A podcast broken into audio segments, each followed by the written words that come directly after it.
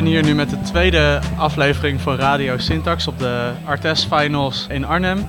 En ik ben Oscar, de host voor vandaag. Ik heb eerder met Heike en Lot gepraat over hun afstudeerprojecten. En ik heb nu uh, heb ik hier Bram de Groot en Ibo Ibelings naast mij zitten. Het zijn allebei twee recent afgestudeerden van Interaction Design. Ja. En ik ga met ze praten over hun project, uh, hoe ze ertoe zijn gekomen. Maar ik ben ook wel benieuwd naar hoe zij zelf aankijken naar de ontwikkeling van hun eigen werk door de jaren heen. En wat dat voor inzichten allemaal heeft opgeleverd.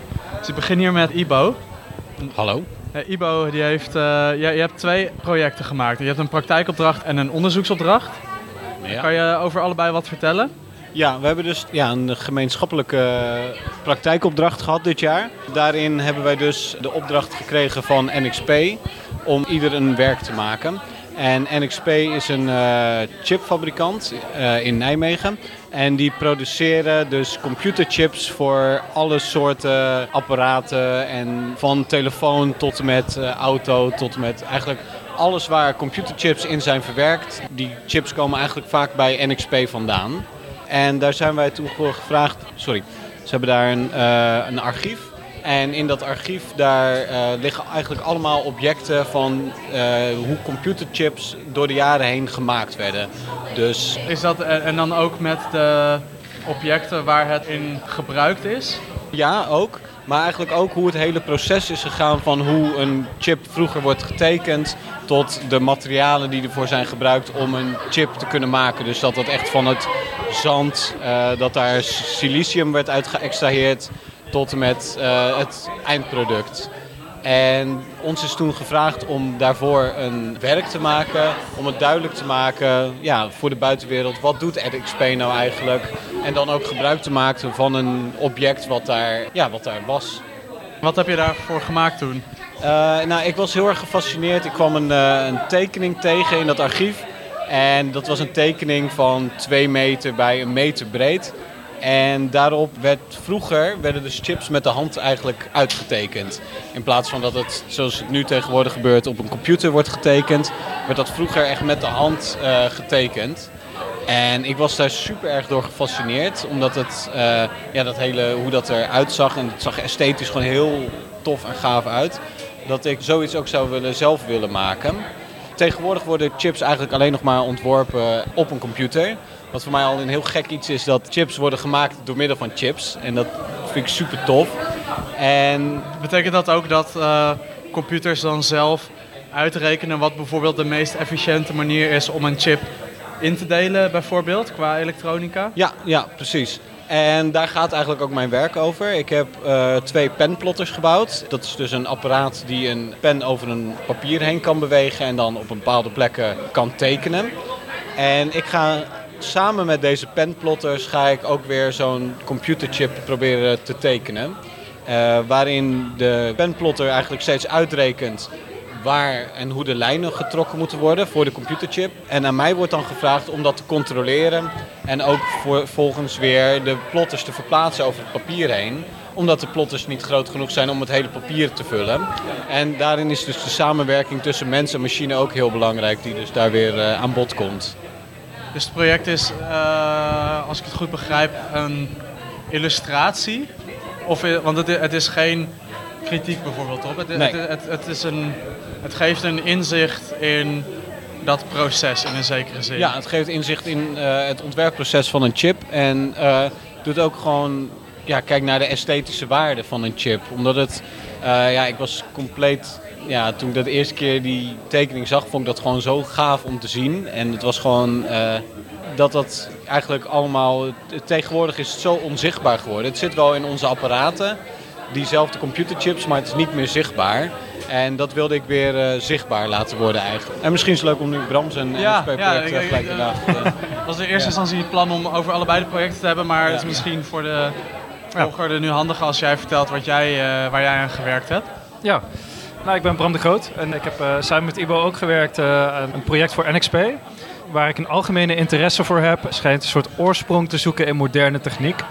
En met name uh, met memory units die NXP verwerkt. En ik heb onderzoek gedaan naar hoe deze memory units vroeger gemaakt werden. En blijkbaar werden die met de hand gewoven van koperdraad. En ik heb die knoop die vroeger door de weefvrouwen echt gemaakt werden, bestudeerd en geprobeerd na te maken. En dat is uiteindelijk een net geworden waarin ik data opsla van moderne uh, memory units die nu eigenlijk onzichtbaar zijn geworden. Want wat ik zo mooi vond aan het object van vroeger, aan die memory van vroeger, is dat je heel goed kon zien wat een bit was. Uh, en omdat we nu geen voorstelling meer kunnen maken wat een bit is, vond ik het interessant om dat uit te lichten. En ik heb dat ook proberen monumentaal neer te zetten, zodat het ook weer over nagedacht kan worden van hoe waardevol geheugen vroeger was en hoe uh, veel moeite het kostte om geheugen te maken. Ja, en ook dat het best wel relativerend werkt. Ja. Als we nu denken over geheugen en de hoeveelheden ervan, wat natuurlijk ook voor nou ja, een deels het uh, kleiner worden van die chips heeft dan deels tot gevolg dat ja. omdat er meer op een klein oppervlak past, wordt geheugen goedkoper bijvoorbeeld. Ja, het wordt goedkoper. En, uh, en, en, dat gaat in zo'n rap tempo dat, we, dat eigenlijk de meeste mensen dat al niet meer volgen, denk ik. Dat, ja, dat... ja het, wordt, het is eigenlijk niet meer voor te stellen. Het is eigenlijk niet meer inzichtelijk. En dat is aan de ene kant jammer, maar het is aan de andere kant ook heel interessant, omdat uh, zoiets kleins nog zoveel kan zeggen en uh, waar nog zoveel van onze maatschappij op draait. En ja, stel we zouden dat weer zichtbaar kunnen maken in een bepaalde laag of met behulp van oude technieken, dan kan er toch weer anders nagedacht worden over of we niet een representatief model voor geheugen zouden moeten hebben. Willen we dat echt onzichtbaar laten of kunnen we dat op een mooiere manier laten zien? Ik denk dat het allebei projecten zijn die best wel kenmerkend zijn voor hoe er op de afdeling op interaction design wordt omgegaan met zo'n medium. En al helemaal als je een soort van aan de ene kant een redelijk concrete opdracht krijgt ervoor, maar tegelijkertijd ook heel vrij. Ja. Concreet in de zin van het gaat over een heel specifiek stukje techniek waar iedereen mee te maken heeft. Ja. Maar tegelijkertijd uh, ga je zelf als een soort van op een kunstige manier op zoek naar een verhaal daarin en zoek je een vorm om dat uh, verhaal te vertellen. Dus dat kan bijvoorbeeld historisch ja. zijn en in een zekere zin is IBO's, ja, uh, misschien gaat jou... Nee, ik denk dat het over zowel het historische en ook het esthetische van zo'n chip gaat. Ja. ja. Ja. dus er is een zekere overlap tussen jullie ja. projecten, maar het komt allebei vanuit een ander, andere insteek ja. Met betrekking tot hetzelfde object uiteindelijk. De, ja. de, de chip waar het om gaat. Ja, want het ook, ook alleen al dat uh, museum, of die, uh, ja, waar wij toen zijn geweest, hebben daar op het uh, terrein een heel klein museumpje ingericht met al die objecten wat ik al vertelde.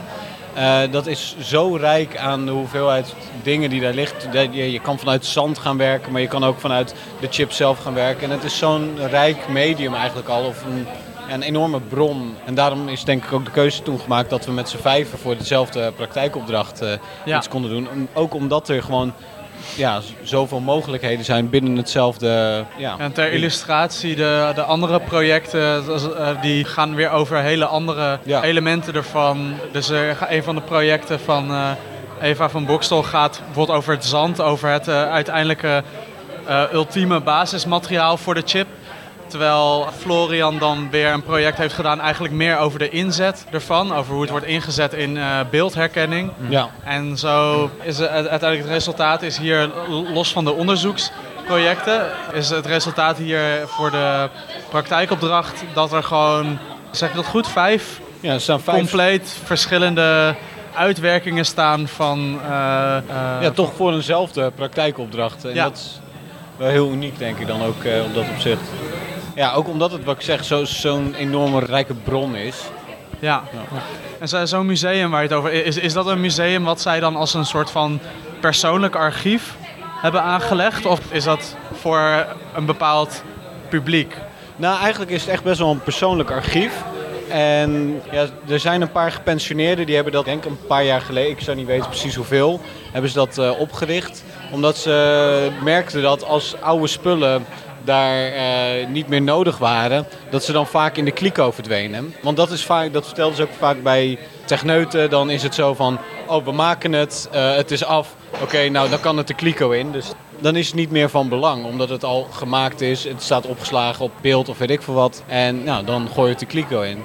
En terwijl toen wij dat, ook dat museumpje in kwamen lopen, echt oh, het is zo'n, juist zo'n goede verzameling die zoveel zegt over onze maatschappij alleen al. En die pensioneerden die had dat, hadden dat dus ook. En daarom zijn zij toen op een leeg plek op dat bedrijfterrein begonnen met ja, daar een verzameling van te maken. En dat uh, ook te onderhouden en te categoriseren.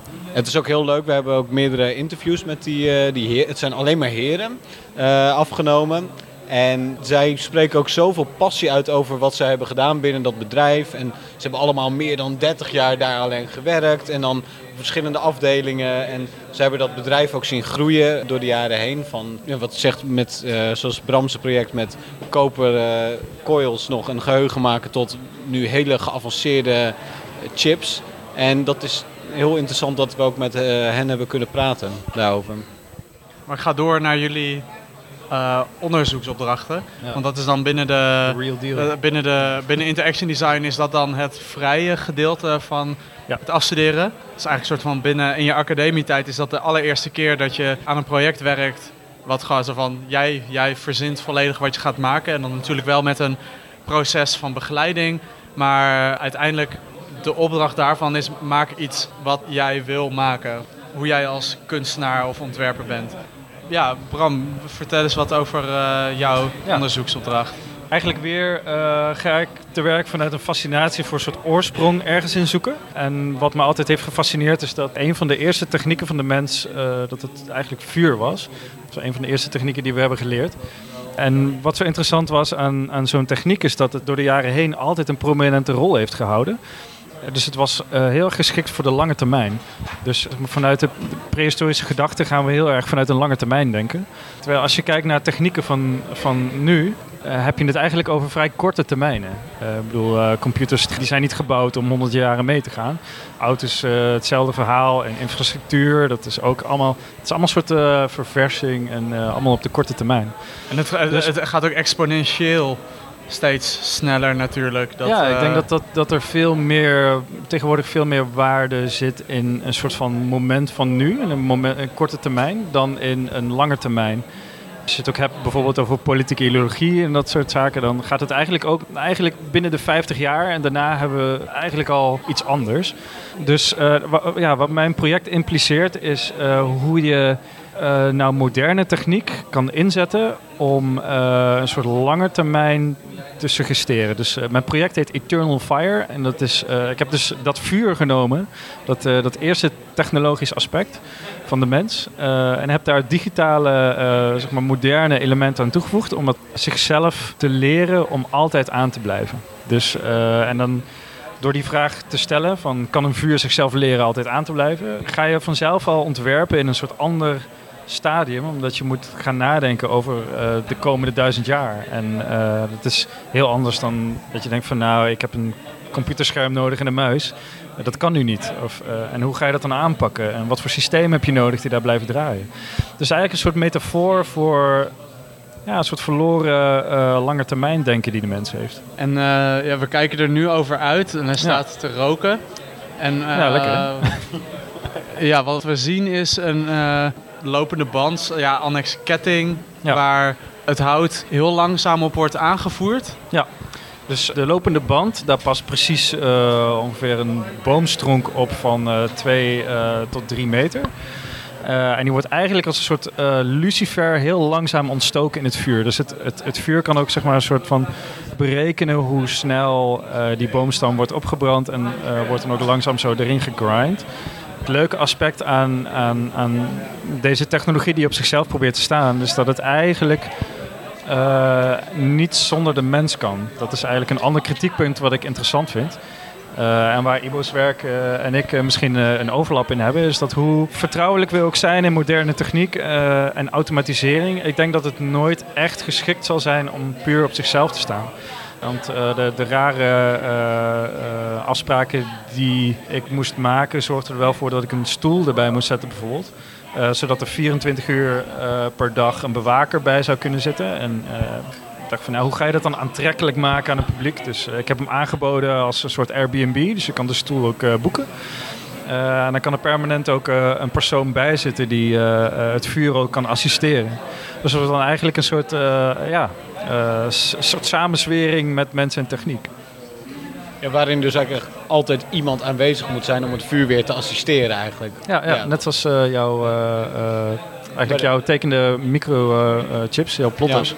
Dat, ook, dat zijn voor de kleine stappen eigenlijk altijd... Uh, ja, daarin blijkt de mens dan toch weer onmisbaar of zo voor de, voor de techniek. Ja, ja. wel vaker... Uh, ja, net als Tesla ook uh, nu weer gaan... zeg maar, van totale automatisering terug wil stappen naar mensen. Ja, ja, ja, precies. cool. En Ibo? Ja, ehm, nou mijn project is een geluidsinstallatie geworden. Ik ben uh, aanvankelijk begonnen met te kijken naar wifi tracking. Wifi tracking is eigenlijk een systeem waarin mensen of worden gekeken hun bepaalde locatie uh, die bijvoorbeeld mensen in een stad hebben of hoe mensen zich door een stad heen begeven. Maar dit gebeurt ook al bijvoorbeeld bij de Albert Heijn die dan kijkt hoe lang mensen kijken naar bepaalde schappen en op die manier eigenlijk ja, mensen achtervolgden. En ik ben deze techniek ook zelf gaan onderzoeken van wat kan ik eigenlijk zien uh, ja, hoe kan ik mensen zelf achtervolgen. En toen heb ik mijzelf ook uh, een tijdje lang omgedoopt tot digitale spoorzoeker. En ben toen mensen eigenlijk gaan kijken van als ik hier gewoon een klein routertje neerzet, wat kan ik dan oppikken voor geluid? En, of niet eens voor geluid, gewoon voor signaal en data wat er de hele tijd gestuurd en ik kwam erachter dat digitale apparaten zoals smartphones en tablets eigenlijk de hele tijd in de ruimte aan het schreeuwen zijn. Naar elkaar, naar uh, de routers van hey hier ben ik, uh, ik ben proberen verbinding te maken met het internet en uh, ik ben er nog, oh ik heb dit bestandje ontvangen, oh ik heb dit bestandje. Dat gaat eigenlijk continu door zonder dat wij het doorhebben. Daarom heet mijn installatie ook silent, Shouting Devices. En ik heb nu een Faraday-kooi gebouwd. En in deze kooi, de, de, kooi van Faraday is eigenlijk een kooi waarin van heel fijnmazig gaas, waar dus straling niet in kan of ook niet uit kan. En hierin heb ik een hoogfrequent stralingsmeter opgehangen die al het signaal opvangt en oppikt en dit omzet van de devices die mensen bij zich hebben in die kooi. En dit weer omzet naar geluid. Wat ik dus nu heb is dus de kooi. En als je hier instapt met een telefoon of een tablet op zak, zal, deze, zal de installatie daarop gaan reageren en zal eigenlijk een spiegel vormen van uh, het geluid of het signaal wat jouw telefoon dus de hele tijd aan het uitzenden is.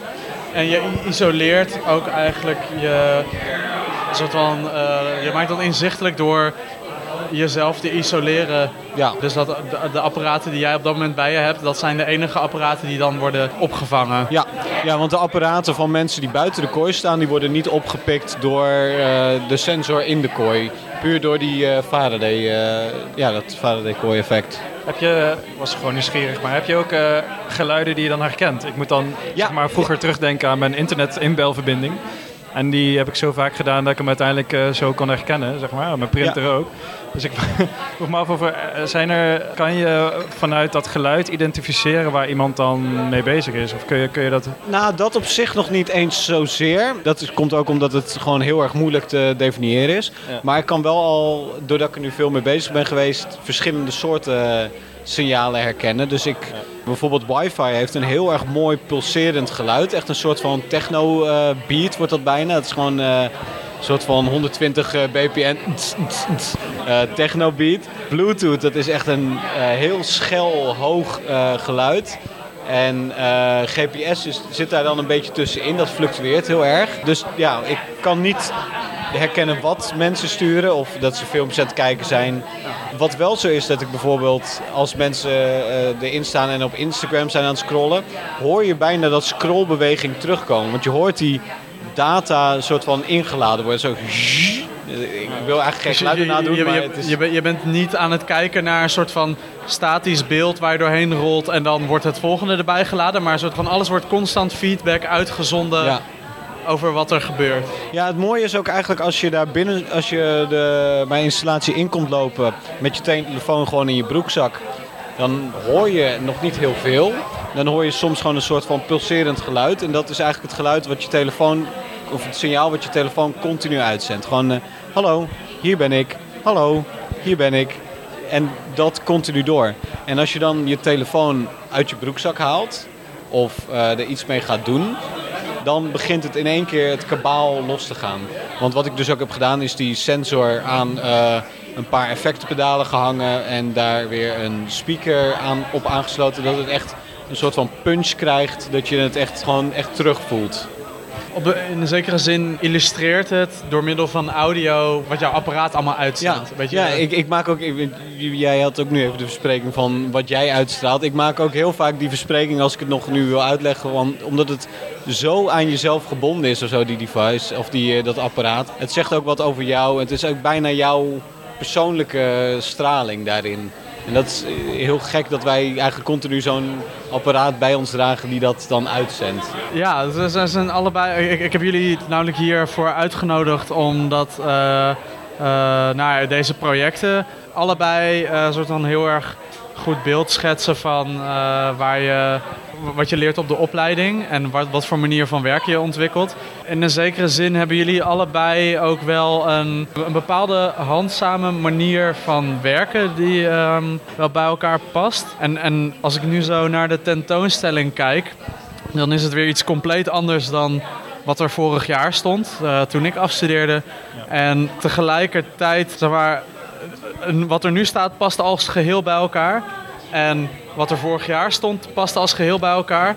En tegelijkertijd ook als wat er nu staat gecombineerd zou worden met wat er vorig jaar te zien was, dan zou het ook weer goed bij elkaar passen. Terwijl het echt compleet andere, ja, andere manieren van werken zijn. Ja, nu spreek ik mezelf een beetje tegen, omdat ik juist eh, van jullie allebei constateer dat jullie wel dat, dat, er een bepaalde overeenkomst tussen is.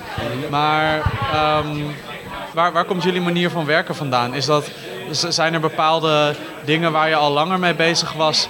eh, of die algemene interesses zijn die eigenlijk altijd terugkomen in je werk? En is dat dan aangevuld met vaardigheden van de academie? Of kunnen jullie een inzicht geven in hoe de afgelopen vier jaar hier voor jullie zijn geweest? Nee, ik heb sowieso al een heel, zolang ik kan herinneren, een soort van intrinsieke interesse gehad in techniek. En eh, ja, ik heb hiervoor ook eh, ICT gestudeerd.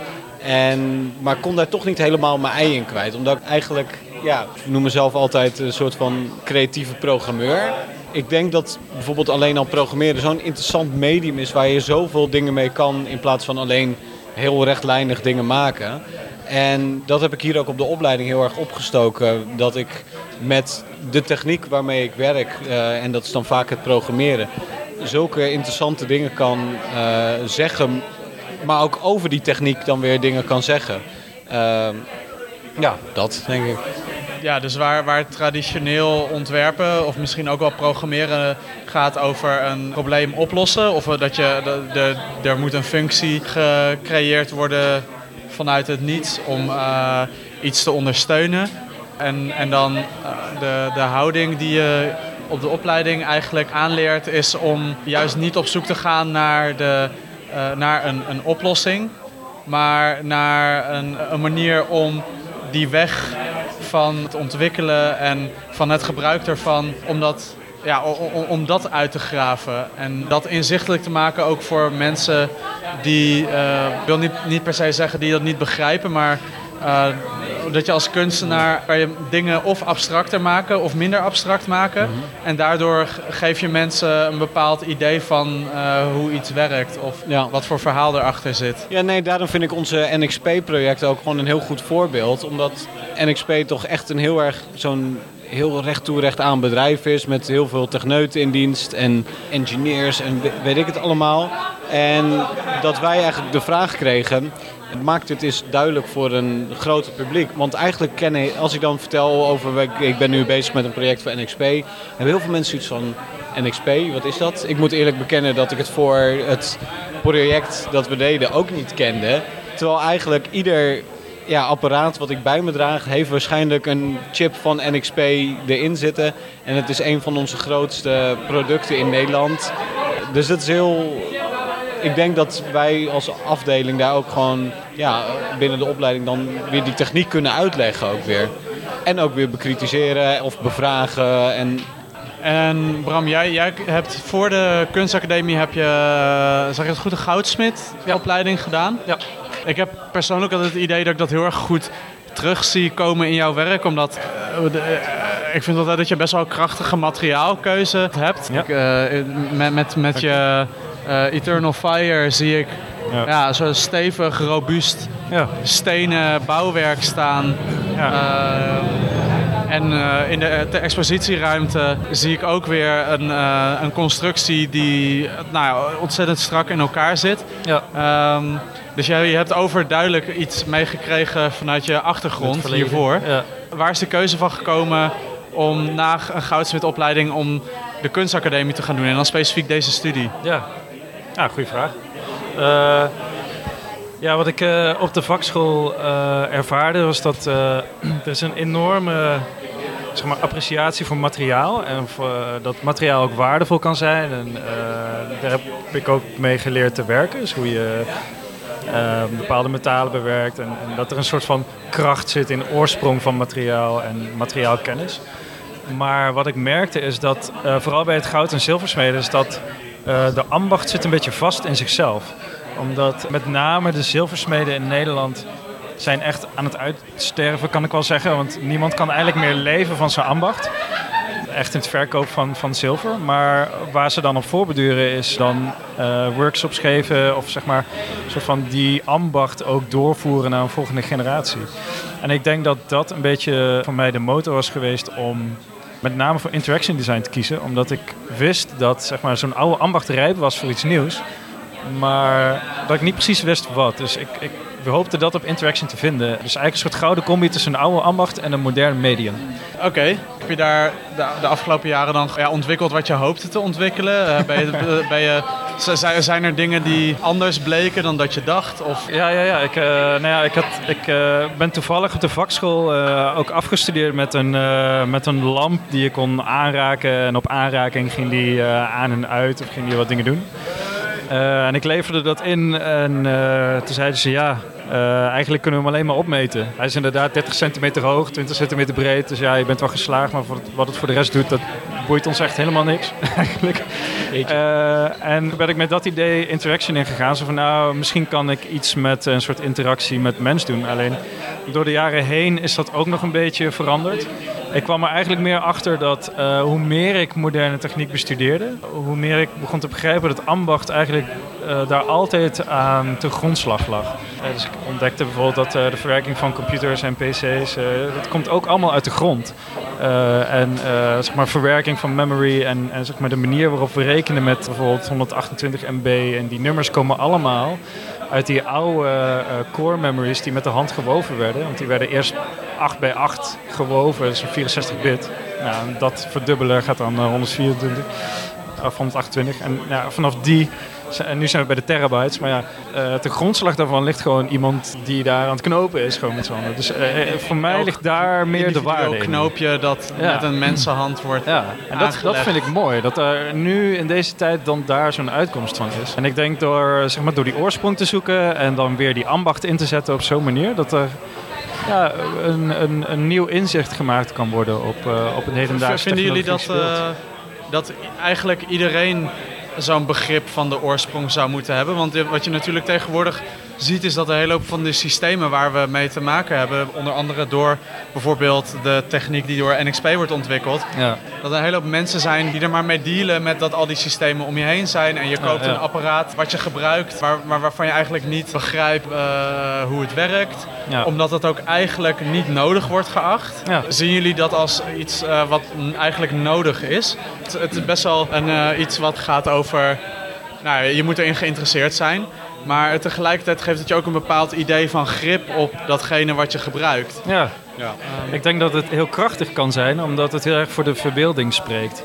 Uh, iemand vroeg mij laatst van, uh, ja, doe je nou iets met techniek of met kunst? Ik zei ja, eigenlijk beide. En toen zeiden ja, wat, wat maakt nou de techniek en wat maakt nou de kunst en wat maakt het nou interaction design? Dus ik, toen dacht ik erover na en ik dacht nou, misschien is het uh, gewoon het uitlichten van een bepaalde functie van die techniek, maar dan een bepaalde laag toevoegen waar je een verbeelding mee kan hebben. Uh, dus, uh, en ik denk dat juist door dat soort zaken weer opnieuw naar voren te stellen, zo van een hypothese zo van iedereen zou weer oude ambachten moeten studeren in computergeschiedenis. ik denk dat dat wel een interessante verbeelding kan opleveren die uh, misschien meer interfaces zou kunnen beïnvloeden, waarop we ook weer ja, wat, wat ook weer ons dagelijkse gedrag gaat beïnvloeden. Misschien kunnen we wel helemaal uh, van schermen afkomen bijvoorbeeld. Of anders nadenken over computerschermen. Ja, dat soort zaken bijvoorbeeld. En Ibo die beschreef zichzelf net als creatief programmeur. Is, is dat ook wat jij. Is dat ook jouw antwoord als mensen de vraag stellen van ben jij ontwerper of ben jij uh, technicus of, uh, of iets. Kunstenaar, ja. Of kunstenaar. nou, gewoon als ik het voor mijn familie zou moeten omschrijven, dan geef ik vaak ook de omschrijving. Een schilder heeft een, een doek en een penseel. En ik heb een computer en code. En zeker nu zelfs met mijn penplotters, ik laat een computer voor mij tekenen. Ja, zo zou ik het meer ook willen zien dat ik de code of de programmatuur die ik gebruik uh, inzet als materiaal. Ook. Ik, ik, zie het ook echt als een materiaal uh, waarmee het te werk gaat. Dus het is niet eens gereedschap voor mij, maar het is echt materiaal en ik kan het vormen en daarmee weer nieuwe ja, dingen maken of creëren. Wat ik me afvroeg, uh, iemand zei wel eens van nou, als je met een computer ontwerpt, dan uh, krijg je minder inzicht dan dat je met je handen zou werken. Ja. Ben je het daarmee eens, denk je? Uh, nou ja, je hebt wel altijd dat je. Ik heb dat in mijn scriptie ook beschreven. Dat als je met een computer werkt, dat je eigenlijk altijd verder weg staat van het materiaal waar je mee werkt. Ja. Omdat er eigenlijk altijd een vertaalslag is tussen eigenlijk het daadwerkelijke materiaal, als je het zo wil zien. Want het daadwerkelijke materiaal is nullen en eentjes. En omdat mensen simpelweg niet daarmee bezig kunnen zijn, mm. uh, zijn er programmeertalen ontwikkeld of interfaces zoals Photoshop. Dus daardoor sta je wel altijd nog verder weg van het materiaal. Dat als je aan het kleien bent, dan ben je met je handen bezig en dan klei je iets in elkaar. Maar aan de andere kant weet ik niet of het ja, heel erg uitmaakt in dat opzicht. Omdat ik wel heel erg het gevoel heb dat als ik hmm. een bepaalde handeling wil verrichten die iets laat zien, uh, ook alleen al op een beeldscherm, dan is het logisch dat ik zo'n soort tool gebruik hmm. en er op die manier mee omga. Ja. Maar zou je, dan, dus- zou je dan eigenlijk niet zo kunnen zien dat eigenlijk de nullen en eentjes zijn voor jou zijn voor een, uh, een schilder, weet ik veel, de moleculen waar verf uit is opgebouwd. Ja, Want eigenlijk, naar, afhankelijk van wat je expertise is, dus uh, hoe ver je vaardigheden gaan, kan je op een heel veel fundamenteler niveau werken. Ja. Uh, en op die manier een grip opbouwen. Ja, ja nee, daarom ben ik ook voor mijn uh, project met uh, NXP aan het begin ook heel erg uh, ja, begonnen met kijken, kan ik zo'n chip die zij in de fabriek maken zelf namaken?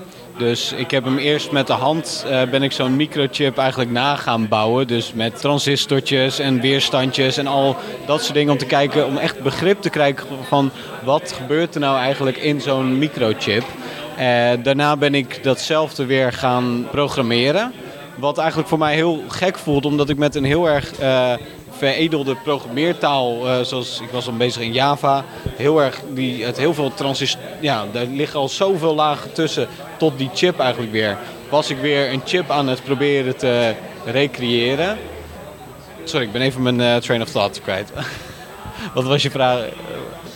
De, de, de, vraag was, nou, het, was, was eigenlijk niet eens zozeer een vraag, maar uh, omdat jij net zei dat, dat bijvoorbeeld dat, dat dan wordt gevraagd naar ja, in hoeverre heb jij grip erop omdat je te maken hebt met laagjes over fundamenten heen wat ik zie is dat als je die gelaagdheid opzoekt en je gaat op, op fundamentele niveaus werken, dan kan dat bijvoorbeeld in, nou ja, als het gaat over een schilder die een doek spant, zou het kunnen zijn dat als programmeur kan je gewoon ervoor zorgen dat een, een doek niet een eendimensionaal ding hoeft te zijn. Omdat je, op zo'n, omdat je in, de, in de pure essentie van waar je uiteindelijk mee werkt, kan je dingen vastleggen om ze aan te sturen zodat ze worden wat jij wil dat het wordt. Of je kan ermee spelen. Soms dat hoeven natuurlijk niet altijd soort doelgerichte uh, dingen te zijn. Maar dat kan door dat aftasten en dat spelen uh, uh, heb je juist misschien wel een veel fundamentelere grip erop dan een traditioneel kunstenaar heeft met de media waar hij mee werkt. Ja, ja, maar ik denk dat het sowieso, wat ik al eerder zei, dat het wel ja, goed is om toch wel die ja, wat ik aan het begin dan heb gedaan, die helemaal naar het fundament te gaan. Maar ik weet niet hoe ver het eigenlijk nou verschilt van een, uh, ja, van een schilder met zijn of haar medium. Uh, waar ik, ja, het is gewoon een ander iets. Het is, uh, het, is net als schilderen en kleien is iets anders. Of boetseren of ja, achter een naaimachine zit. Het is net waar je mee werkt en waar je je uitingsvorm in kan vinden. En ik kan dat toevallig in, ja, in code. Ja. In de, in de eerste podcast die ik vandaag heb opgenomen waren de twee afgestudeerden heel duidelijk over waar, uh, waar zij nu verder aan werken. Want omdat zij afstudeerden met een platform was het gewoon heel duidelijk van ja, uh, dat platform verder uitbreiden. Meer, uh, meer diepgang in het platform zoeken, maar ook bijvoorbeeld meer mensen erbij betrekken. zorgen dat meer mensen erover weten. Wat, wat, wat zijn jullie korte termijn uh, toekomstplannen? Behalve vakantie houden dan. Ja, ja, ja nee, dat, uh, dat ook niet. ik ben van plan uh, wel mijn eigen studiootje te openen. En op zoek te gaan naar van mijn eigen interpretatie van interaction design. Dus wat een beetje zit tussen autonoom werk en commercieel werk. Maar ik vind het ook fijn om uh, ja, die uh, soort van groepsverband te houden die we met de klas nu hadden. Dus ja, ik sta er ook voor open om uh, zeg maar wat meer in samenwerking gaan met mijn, met mijn klasgenoten met bepaalde opdrachten. Of dat we meer doen in samenwerkingsverband. Ik grapte altijd vroeger van nou, we moeten, we moeten gewoon het metro-conclave oprichten. Dus dat we altijd bij elkaar terecht kunnen in de, en, en, in, in, bij wijze van in de metro even onze concepten bespreken. Uh, dat, dat heeft me ook wel geholpen door de jaren heen. En ik denk dat dat ook wel ja, fijn kan zijn om in de toekomst ook nog aan te werken. Ja. Nee, ik denk dat, zoals Florian dat net ook beschreef heel goed, dat we ook met het afstuderen dat ook echt met z'n vijf hebben gedaan. En we hebben elkaar er doorheen getrokken, maar ook gewoon met raad en daad bijgestaan waar dat nodig was. En ik denk dat dat sowieso ook voor wat ik in de toekomst wil gaan doen. Dat het, ja, ik merk heel erg dat met andere mensen samenwerken zo belangrijk is voor het werk dat ik maak en wat ook anderen hebben gemaakt. Vaak zijn er ook gewoon dingen die je niet in je eentje kan doen, omdat de projecten op een gegeven moment zo'n formaat krijgen dat je daar toch andere mensen weer voor nodig hebt. En ook weer even een andere blik erop. En ik denk dat dat is ook iets wat ik met deze samenwerking tijdens het uh, afstuderen heel goed heb geleerd. Dat het heel fijn is om mensen om je heen te hebben waar je eventjes even kan vragen van... hé, hey, hoe vind jij dat ik het erover doe? En dat dan niet met een begeleidende docent, maar gewoon met een van de klasgenoten. En dat, ik denk dat dat ook wel een van de belangrijkste dingen is. Ja, want jullie zijn nou, echt een buitengewoon uh, hechte klas. Um, hoe, hoe komt dat? Hoe, is dat zo natuurlijk ontstaan? Want jullie komen allemaal uit zo'n andere mhm. uh, hoek en hebben allemaal zulke andere interesses. Dus is, is dat individualisme uh, wat, wat bij elkaar zo goed werkt? We werden geforceerd. Ja, precies. Nee, maar, We moesten aardig doen tegen ja, elkaar. precies. Ja, nu is het ook over hoor. Dat, ja. Ja, ik, ik, denk dat het heel prettig was voor ons om, uh, om die diversiteit te hebben. Want dan kon iedereen wat toevoegen. En ik denk dat het ook heel erg voor ons scheelde om bij elkaar te luchten. En uh, omdat iedereen ook een andere kijk heeft en een andere blik heeft. Ja. Het, het, heeft mij zeker verder geholpen om dingen ook echt in de groep te gooien. Dus, ja, ik uh, merkte ook op een gegeven moment... Uh, ik heb dan ook voor het werk wat Florian heeft gemaakt... daar ook meegeholpen met het programmeren van zijn neurale netwerk... wat daar voor nodig was. En hij heeft mij dan weer op conceptueel niveau...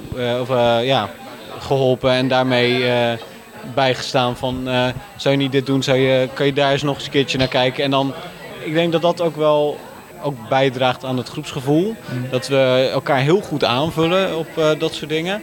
Maar ook denk ik gewoon de eerlijkheid in tegenover elkaar heel erg houden. Van als er even iets misgaat of als iemand even, even een toontje lager, even dimmen. En daarin is gewoon een, ja, ik zit er natuurlijk pas twee jaar bij, maar gewoon een heel, klas, uh, heel hecht klasje geworden. En dat is gewoon, uh... Jullie zijn je ook eh, heel erg bewust, merk ik, van elkaars kwaliteiten. Dat er, en soms zijn die kwaliteiten uh, heel specifiek. En de andere keer zijn die kwaliteiten wat. Uh, nou ja, ja, dus bijvoorbeeld uh, een specifieke kwaliteit kan bijvoorbeeld het bepaalde codeerskills zijn of materiaalkennis.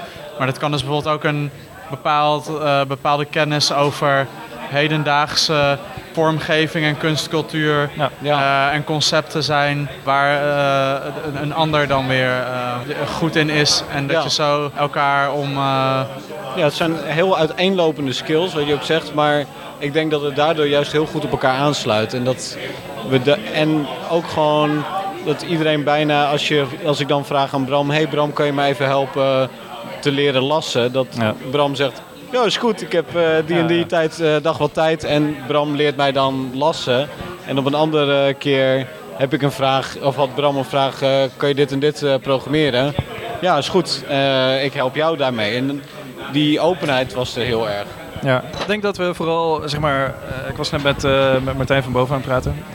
en hij zei ook, eigenlijk gaan met elkaar om zoals uh, muzici uh, met elkaar omgaan? Zeg maar, van, uh, oh, dan wil ik een keer die met, met de bassisten even wat doen. En zeg maar vooral, ik, ik, denk vooral in de ontwerpwereld dat het is vrij individualistisch. En ik denk dat we als geheel hebben gezien dat je niet per se een individu hoeft te zijn om, om tot, tot een idee te komen. Of zeg maar alleen, alleen de spotlight te, pakken. Of, uh, ik denk dat er een kracht zit in een soort van groepsverband, het samenwerken. Uh, net als een band dat doet.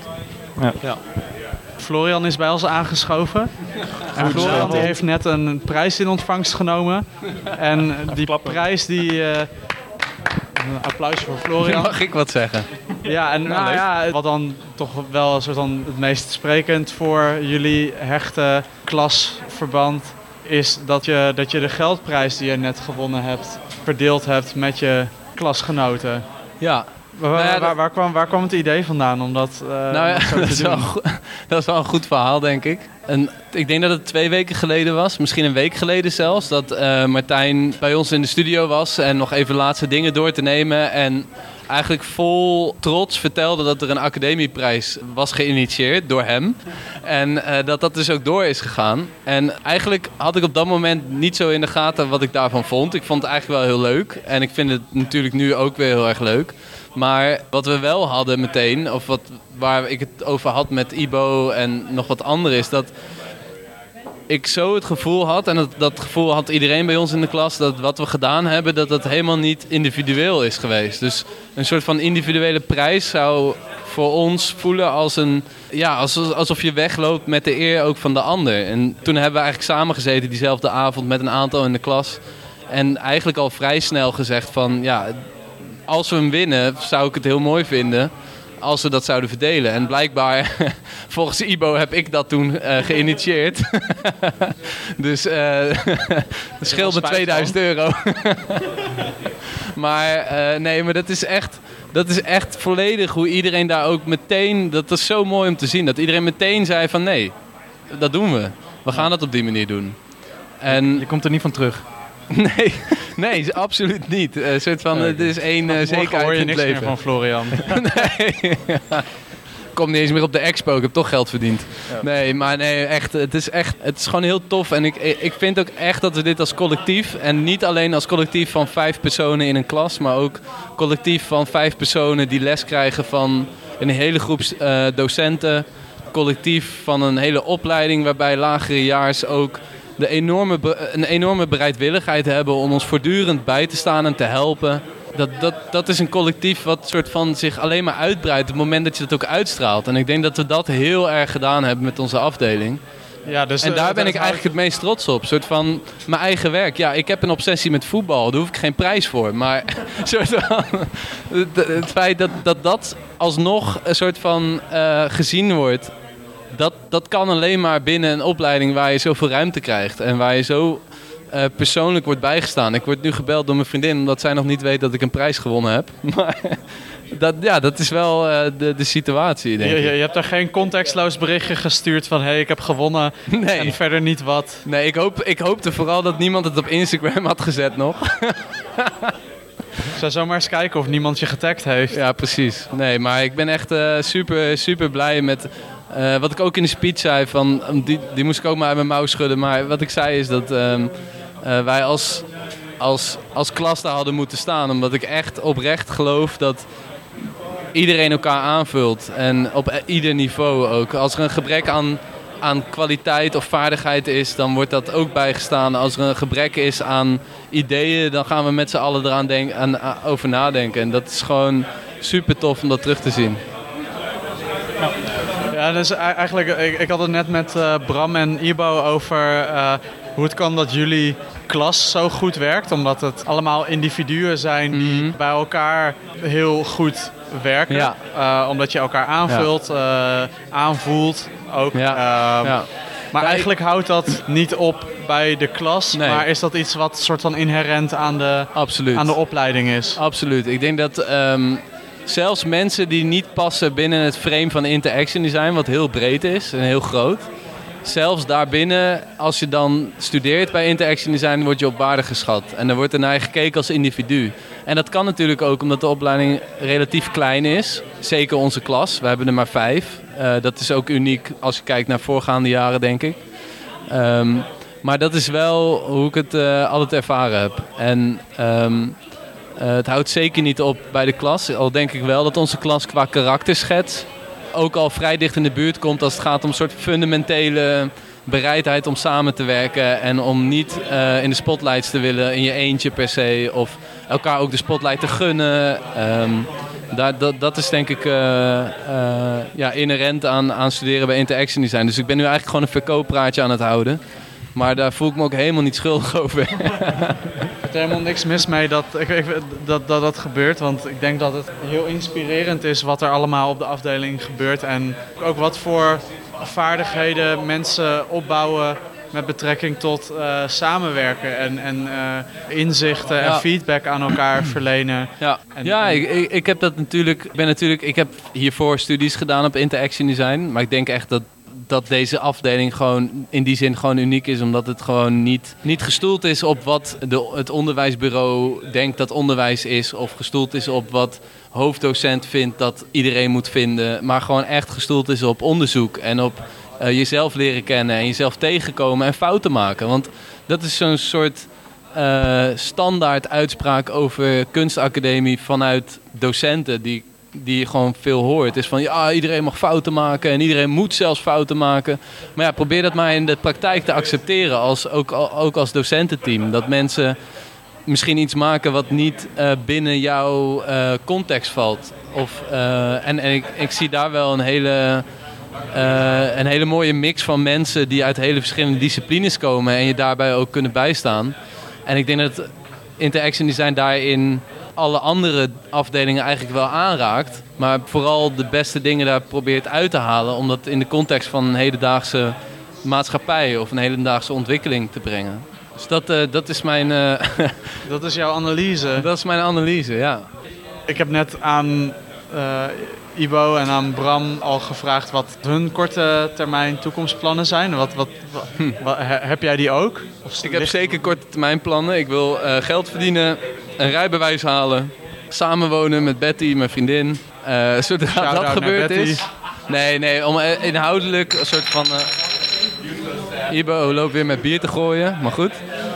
Uh, nee, omdat inhoudelijk een soort van gerelateerd aan de afdeling ik, of, of de opleiding. Ik wil eigenlijk, als ik eenmaal in Rotterdam woon, een studio gaan zoeken met mensen die in dezelfde fase zitten. Dus niet zozeer mensen die in dezelfde richting hebben gestudeerd per se. Zou natuurlijk kunnen. Uh, maar wel een, een, plek zoeken waar je eigenlijk dezelfde ja, cultuur kunt hebben zoals je dat op een afdeling als hier hebt. Want dat is gewoon iets wat, wat ik wil vasthouden. En dat is, ook, dat is ook iets waar denk ik iedereen die daar onderdeel van uit kan maken gelukkig van, van zou kunnen worden. Um, en natuurlijk zal dat uh, problemen op kunnen leveren. Maar het is sowieso beter dan in je eentje achter je bureau eindigen. En denken, oh oké, nu ben ik ontwerper, nu moet ik iets gaan doen. Uh, ik denk dat, dat die stap heel groot is. En uh, de takeaway voor mij van, van een kunstacademie is dat je mensen om je heen hebt die op jouw niveau mee kunnen. En dat jij op jouw niveau weer met andere mensen kunt samenwerken. Dat is denk ik hoe ik, uh, hoe ik mijn plannen zie voorlopig. En ik zou meer willen schrijven en film willen maken, denk ik, zoals ik gedaan heb, maar dan beter. Omdat ja, als je zelf iets maakt en je bent perfectionistisch, dan kan het altijd beter. Dus eigenlijk uh, wil je de omstandigheden die je, waar je het afgelopen half jaar onder werkte. En dan bedoel ik niet soort van ja. dezelfde druk als het afstuderen, nee. maar meer de omgeving ja. en de mensen om jou heen. Dus eigenlijk zou je weer op, op zoek willen gaan naar zo'n zo'n ja, omgeving. Absoluut.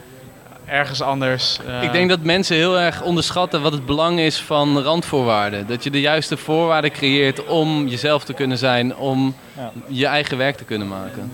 Ik denk dat dat soort van die focus op individualistische ja, individualistisch naar je eigen praktijk kijken heel naïef is zelfs als je van een kunstacademie komt. Want je komt gewoon uit een bad van mensen die allemaal op dezelfde uh, lijn liggen.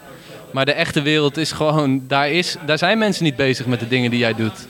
Dus het spannende is natuurlijk om daar wel op, op uit te komen. Op een, op een plek waarbij andere mensen die normaal gesproken. Dat is tenminste hoe ik het zie hoor. Dat is voor mij persoonlijk.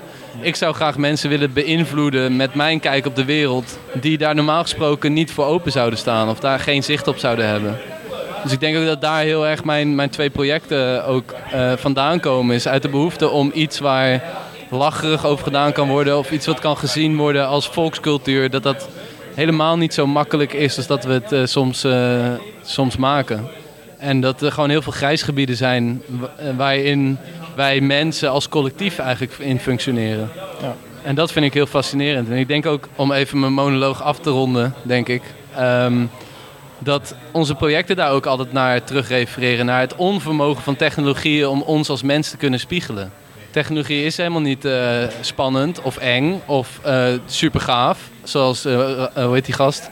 Daan Rozengaarde dat zou benoemen. het is gewoon bij mensen. En dat, dat vind ik een hele fijne, fijne gedachte. Dat je daar heel veel mee kunt.